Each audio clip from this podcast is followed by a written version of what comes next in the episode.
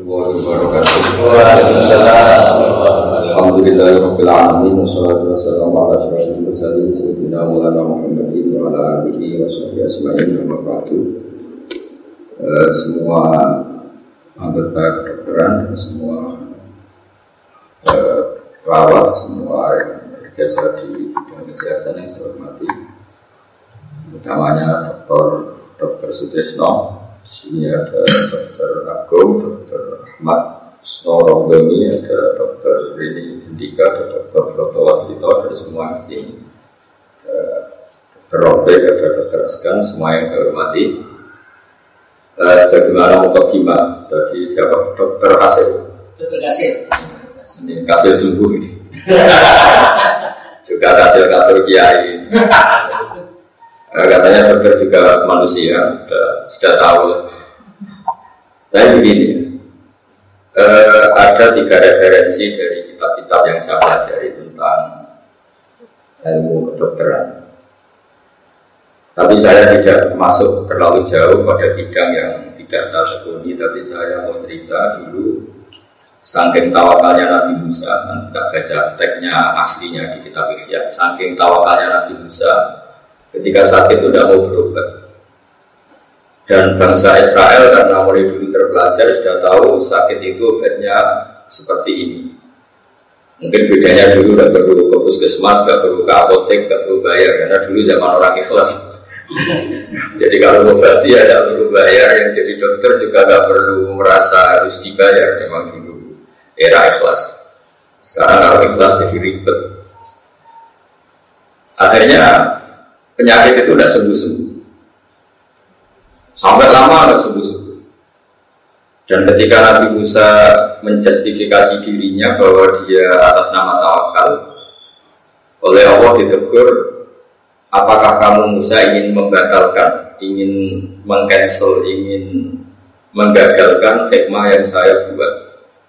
Jadi intinya ada bahan tertentu yang dari awal didesain Allah untuk obat tertentu. Sehingga kalau kamu tidak percaya fungsi-fungsi itu sebagai obat, berarti Anda tidak percaya hikmah yang saya ciptakan. Sehingga cerita akhirnya Nabi Musa harus meminum obat itu dan menjadi sembuh.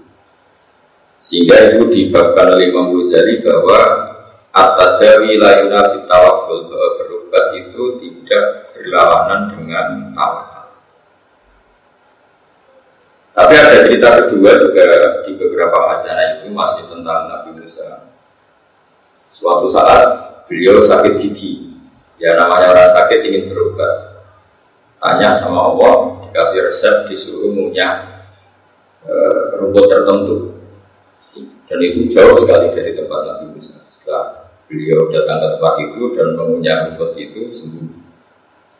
Suatu saat Nabi Musa itu sakit lagi, nggak konsultasi lagi dengan Allah.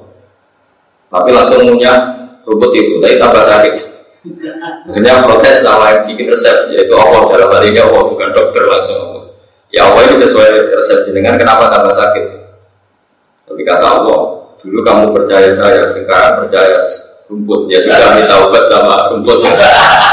Jadi akhirnya ya akhirnya ya ya, ya sudah seperti itu jadi ini pelajaran bagi kita bahwa obat ya tidak segala-galanya, bahwa tawakal juga jangan menjadikan kita tidak berubah. Itu khazanah yang saya baca dari kita al dan beberapa kitab.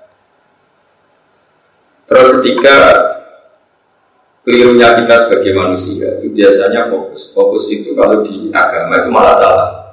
Bukan salah fokusnya, tapi salah mengabaikannya. Misalnya begini, gara-gara ada COVID misalnya semua orang tergerak untuk supaya COVID itu tidak menjalar, tidak banyak makan korban. Padahal kalau kita fair, potensi kalau yang kita takutkan adalah kematian, potensi kematian karena chaos sosial, karena kegaduhan politik, atau karena gempa, atau karena tsunami itu banyak sekali. Sehingga barokahnya mengerti potensi-potensi itu semua, meskipun kita ngurus COVID juga harus ngurus kestabilan ekonomi politik. Karena kalau yang kita takutkan kematian, semua kesalahan manajemen dalam mengatur konflik, kesalahan menata alam ini juga bahaya. Sehingga dengan demikian kita akan stabil, jangan semua energi diarahkan ke sana. Ini takutnya ada gaya yang lebih dasar karena kios sosial, karena ekonomi atau karena. Di sini dibutuhkan kearifan untuk mengelola bangsa ini. Sehingga agama tidak mau terjebak ke tema tertentu. Agama yang mengajarkan kita kata Allah, saya ini Tuhan kata Allah, yang setiap saat bumi yang kamu pakai saat tenggelamkan. Kalau bahasa modern sekarang disebut likuifaksi. Amin tuman fisama ayakhsifa bikumul ardo faidahiyatan Bumi yang kamu injak bisa saja setiap saat likuifaksi dan Anda akan hancur semua tenggelam Am amin tuman fisama ayursila alaikum hasiba atau meteor-meteor yang di langit setiap saat jatuh dan Anda juga akan mati semua. Atau sistem alam ini saya hancurkan dan Anda juga akan mati semua. Sehingga ketakutan ulama itu mungkin ini yang beda dengan ketakutan dokter. Kalau dokter rame-ramenya pandemi ya takutnya sama COVID. Kalau rame-ramenya kios sosial, orang politik ya takutnya kios sosial. Kalau orang ahli geologi mungkin lebih takut pergeseran bumi, nanti takut gempa, takut ini. Tapi apa pun itu, ketakutan itu sah berdasar keilmuan. Memang semakin kita mengkaji satu disiplin keilmuan, kita akan tahu gaya-gaya alam atau gaya sosial atau gaya apa saja yang ada di sekeliling kita. Sehingga kenapa orang baca surat Tabar menjadi spesial di situ diingatkan terus. Di antara yang diingatkan kul itu in asbahama hukum khorom kama yatikum bima iman. Kamu sekarang butuh air. Misalnya kita sudah menemukan eh, obat atau vaksin anti covid, tapi Allah menghilangkan air yang kita butuhkan. Kita mau apa juga? Bisa saja air itu setiap saat khorom itu hilang di telan bumi. Mama yatikum bima iman. Lalu siapa bisa mendatangkan air itu? Belum lagi kita bicara oksigen. Jadi saya atau semua kiai, semua ulama yang mewakili agama, oke kita sebagai manusia takut covid, juga takut chaos sosial, juga takut apa saja. Tapi semoga ketakutan itu menjadikan kita kembali kepada Allah yang jiun, Allah yang tahu, kita menjadi tahu bahwa kita lemah, kita tidak siapa-siapa. Jadi katanya dokter Kasil kita memang ya manusia, Ustadz juga manusia, dia juga manusia. Cuma bedanya mungkin saya lebih siap karena saya menghitung nyawa itu hanya sehari. Jadi saya tuh merasa hidup saya itu hanya sehari sehari. Jadi nggak lama-lama. Misalnya hari ini saya hidup, mungkin besok mati, besok hidup lagi, mungkin besok mati. Sehingga bayangkan hidup itu udah udah mulu-mulu ya. Memang aturannya gitu. Wa amali akhiratika ke kata mutu dan kalau sudah beramal untuk akhirat, bayangkan anda itu mati besok. Sehingga kata para ulama, kalau kamu sholat, seakan-akan itu sholat terakhir kamu. Kalau kamu sayang sama anak istri juga seakan-akan itu sayang terakhir sehingga semuanya maksimal. Coba andaikan seseorang mau dihukum mati hari Senin, mungkin ahad ini sangat maksimal dalam menyayang anak istrinya, dalam bersujud, dalam apa saja. Nah kita ini orang-orang yang membayangkan hidup itu panjang sekali, sehingga semuanya kita atur. Bahkan saat melawan penyakit pun kita lupa.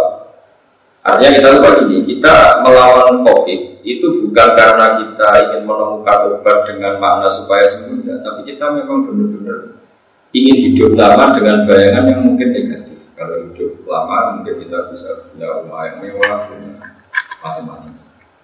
Ini yang tidak diinginkan Islam al Jadi bayangan hidup lama tapi dengan bayangan khayal tapi coba kita lebih ke yang lebih Islam, bahwa bayangkan hidup lebih lama supaya ibadah kita lebih lama, supaya sujud kita lebih lama, supaya manfaat kita lebih lama.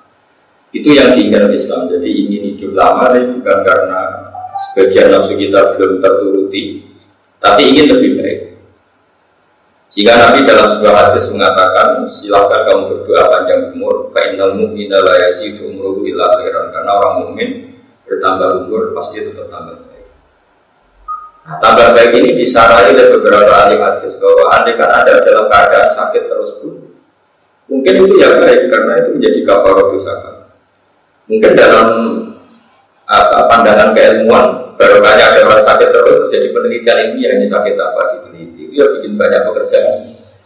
Apalagi kalau ada penemukannya terus dia dapat kumplot atau dapat penghormatan apa. Jadi semua yang diciptakan Allah itu harus tidak ada Cuma pesan saya kepada semuanya bahwa fokus itu dalam hal ini itu ya baik tapi coba dipertimbangkan. Sebetulnya untuk untuk men, untuk menjaga untuk menjaga dari semua bahaya itu. Kalau kita bicara misalnya tanyakan ahli geologi mungkin mereka tahu ini gerakan tanah sudah begini karena nanti yang ahli laut ingin tahu ini abrasi setiap menit terjadi begini setiap tahun. Mungkin yang ahli meteorologi begitu ini alam sudah gini mungkin yang ahli apa. Dan semuanya yang di sekeliling kita ini alam ini mengarah ke kehancuran bukan menuju yang lebih baik sehingga orang-orang sufi dulu kalau bilang itu kamu udah bisa nata dunia. Allah bikin dunia itu sebenarnya mau dihancurkan itu jadi desain dunia untuk dihancurkan. Artinya buat kamu tata kayak apa arahnya dunia ini menuju kiamat bukan menuju yang lain. Sehingga orang-orang sufi dulu itu relax karena tadi tapi barokahnya iman seperti itu bukan menjadi dapat, tapi begitu tergantung kepada Allah. Coba kalau Mars itu jatuh, planet Mars, kayak apa kita bisa? Jika Allah sering ingatkan, Inna wa yusikus samawati wal ardu antasila wal inzalata amsaka huma min ahadi min ba'di. Meteor tidak jatuh itu ya jasanya Allah. Bumi tidak gempa ya jasanya Allah, tidak likuifaksi. Padahal semua potensi itu ada. Bumi itu di bawah bumi ini ada magma, ada minyak, ada apa saja. Kemudian sistemnya, ekologinya sudah dirusak. Jadi kalau kamu takut COVID karena itu menjadikan kematian masif, itu lebih cepat gempa, lebih cepat tsunami. Juga tsunami sekian detik sudah 100 ribu orang kemarin yang di Aceh. Nah, maksud saya dengan mengingatkan seperti ini bahwa dengan segala pandemi yang ada di dunia, dengan segala resiko yang ada di dunia sebenarnya yang kita alami sekarang sudah luar biasa. Karena kalau Allah mengendaki, gampang saja menghancurkan alam ini. Termasuk tadi dimulai dari menghilangkan air, kulin kulawa itu min asfaha ma'al koron yatikum Ini mungkin nasihat umum, tapi bagus untuk didengarkan supaya semua orang itu tidak ujub. Jangan karena kita nangani covid terus kita ujub seakan-akan kita malu berjasa menjaga kehidupan. Nanti yang bagian menangani keamanan, kestabilan sosial seakan-akan kita paling berjasa. Apa artinya sosial stabil? Sistem sosial baik, politik baik, tapi orang berpenyakitan juga mati. Kita juga sebaliknya, apa artinya badan sehat, tapi keadaan politik tidak baik juga orang mati mungkin karena saling bunuh dan macam-macam. Apa artinya kesehatan baik, politik baik, tapi tauhid kita salah, sholat kita salah, terus kita berakhir masuk neraka. Terus kerennya apa? Karena saya pernah buyun pernah ada seorang yang bilang Gus tak kasih dokter honoris causa. Buyun saya itu hanya satu. Saya itu takut masuk neraka, masa dokter masuk neraka kan gak keren kan. jadi, artinya gini, kalau sudah berani jadi orang keren harus punya komitmen jangan masuk neraka. Malu kita sudah profesor, mubalak, ustaz ternyata masuk neraka. Itu Umar bin Abdul Aziz gitu. Umar bin Abdul Aziz seorang khalifah yang di antara yang paling adil sampai punya gelar ya bisa khulafa. Jadi khalifah itu ada empat, yang kelima paling adil disebut Umar bin Abdul Aziz. Beliau itu suka istri yang paling cantik. Kalau pakaian yang paling bagus. Dia orangnya ambisius. Kalau gelar ya sampai profesor, ya. kalau sekolah ya sampai kumlot. Pokoknya dia cari yang terbaik. Suatu saat dia itu menanggalkan itu semua dan dia seorang presiden, seorang amil. Ditanya, mana mental kamu yang dulu ambisius, yang Terus sekarang perfeksionis ya dia semuanya harus suka sempurna. Tapi setelah dia jadi khalifah jadi presiden pakai pakaian yang lusuh, tiap malam bersujud, tiap pagi kantor nyari siapa orang miskin yang butuh bantuan, dan dia jadi orang yang sangat soleh. Ketika ditanya kenapa anda sekarang jadi begini, jawabannya innali nafsan tawwab. Saya ini punya jiwa yang nggak bisa dikendalikan. Kalau sudah punya keinginan harus sesampai. Maka sebagaimana saya sukses jadi dokter, jadi profesor, jadi pejabat, sama harus sukses jadi masuk surga. Karena saya tuh orang paling malu kalau gagal. Jadi kalau anda sudah berani jadi dokter atau jadi kiai atau jadi ulama, harus berani juga menjadi ahli surga. Dengan kengototan yang sama saat kita ingin jadi dokter, jadi spesialis, jadi apa. Jadi dalam ilmu tasawuf disebut nafsuka mati ya tukafar mental yang ada di diri kamu itu kendaraan kamu untuk menuju enggak apa-apa kamu ambisius tapi juga harus ambisius untuk masuk surga jangan ambisius ingin jadi dokter jadi profesor jadi ketok tapi ketika ibadah lembek sebenarnya. Siapa apa kamu punya mental tuh saya punya jiwa yang skeptis ragu. Tapi jadikan keraguan Anda setiap ingin melakukan sesuatu, jadi ragu melakukan maksiat, ragu melakukan korupsi.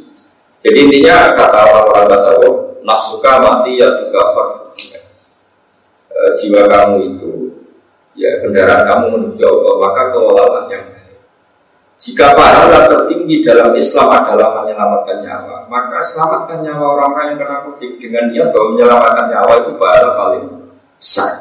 Nanti yang bagian polbuka atau bagian kepolisian atau bagian apa bahwa Indonesia tidak boleh dia karena dengan demikian tidak ada pembunuhan, tidak ada konflik sosial. Usahakan itu sebagai ibadah kamu untuk menjaga tidak terjadi sabut jima, tidak terjadi pertumpahan.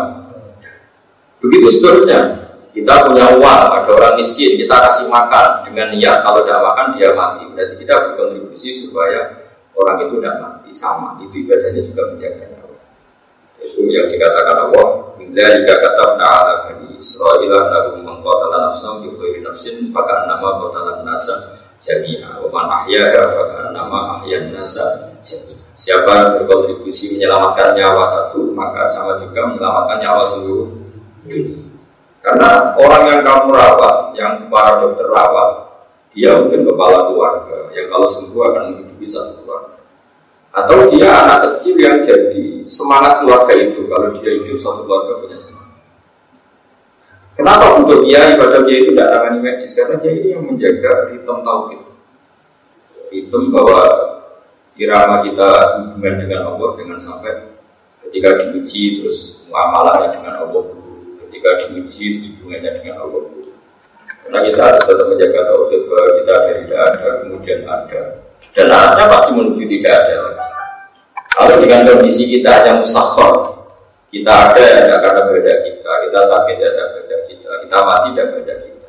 Jadi kita tahu bahwa hidup ini masya Allah karena malam salam itu terserah Allah bukan terserah kita. Barokahnya seperti itu kemudian kita tawakal, kita sungkem nih pangeran, kita sujud, kita baik. Jadi apa pun itu saya mohon, semohon mohon jadikan apa yang anda tekuni, misalnya profesi jadi dokter, bahwa menyelamatkan nyawa manusia itu ibadah. Sehingga di sini disebutkan harus kawal oleh hukum fikih, ada kisos supaya orang tidak mudah bunuh karena hukumannya. Orang yang mampu harus memberi makan yang miskin juga demi menjaganya. Kestabilan harus kita jaga supaya orang bisa bekerja, bisa makan dan seterusnya. Terus ahli medis, ahli gizi, membuat list ini makanan yang manfaat, ini yang makanan yang manfaat juga demi menjaga nyawa manusia. Dan begitu seterusnya, begitu seterusnya. Sehingga barokahnya ngaji seperti ini kita akan tambah dekat pada Allah taala. Ini saya baca teks supaya jadi inspirasi inspirasi untuk semua yang nangani uh, COVID atau nangani penyakit lain atau nangani problem sosial yang lain karena apa? Kita ingin menyembuhkan orang sakit juga demi menjaga sama kita ingin menjaga stabilitas Indonesia juga supaya tidak ada chaos, tidak ada prahara yang menjadi menghilangkan apa nyawa. Di sini di kitab saya di halaman 380 juz 4 kitab Syahrumuddin. Nah, di sini di antaranya dijelaskan Wadah Tarodatul Ulama di sini disebut Anna Musa alaihissalam Iqtalla bi'illatin Fadakhul Ali Bani Israel Fa'arafu illa lahu wa faqalu lahu law tadawaita bikada lakanita. Jadi ketika Nabi Musa sakit dijenguk komunitas Bani Israel, mulai dulu orang Israel memang sudah maju. Mereka bilang law tadawaita bikada lakanita. Engkau berubah dengan obat ini pasti kau akan sembuh. Faqala la atada wa hatta yu'afiyani wa min wiri dawamin. Saya tidak akan berubah sehingga Allah menyembuhkan saya tanpa harus berubah dan aku ala kulli syai'in qadir Allah mampu melakukan apa saja. Fatolat illahu. Kemudian penyakit itu tambah menjalar, tambah sakit. Orang-orang Israel datang lagi. Fakol lalu inna dawa hadillah ma'rufun mujarrad. Jadi mulai dulu yang namanya obat itu syaratnya harus dua, ma'ruf dan mujarrad.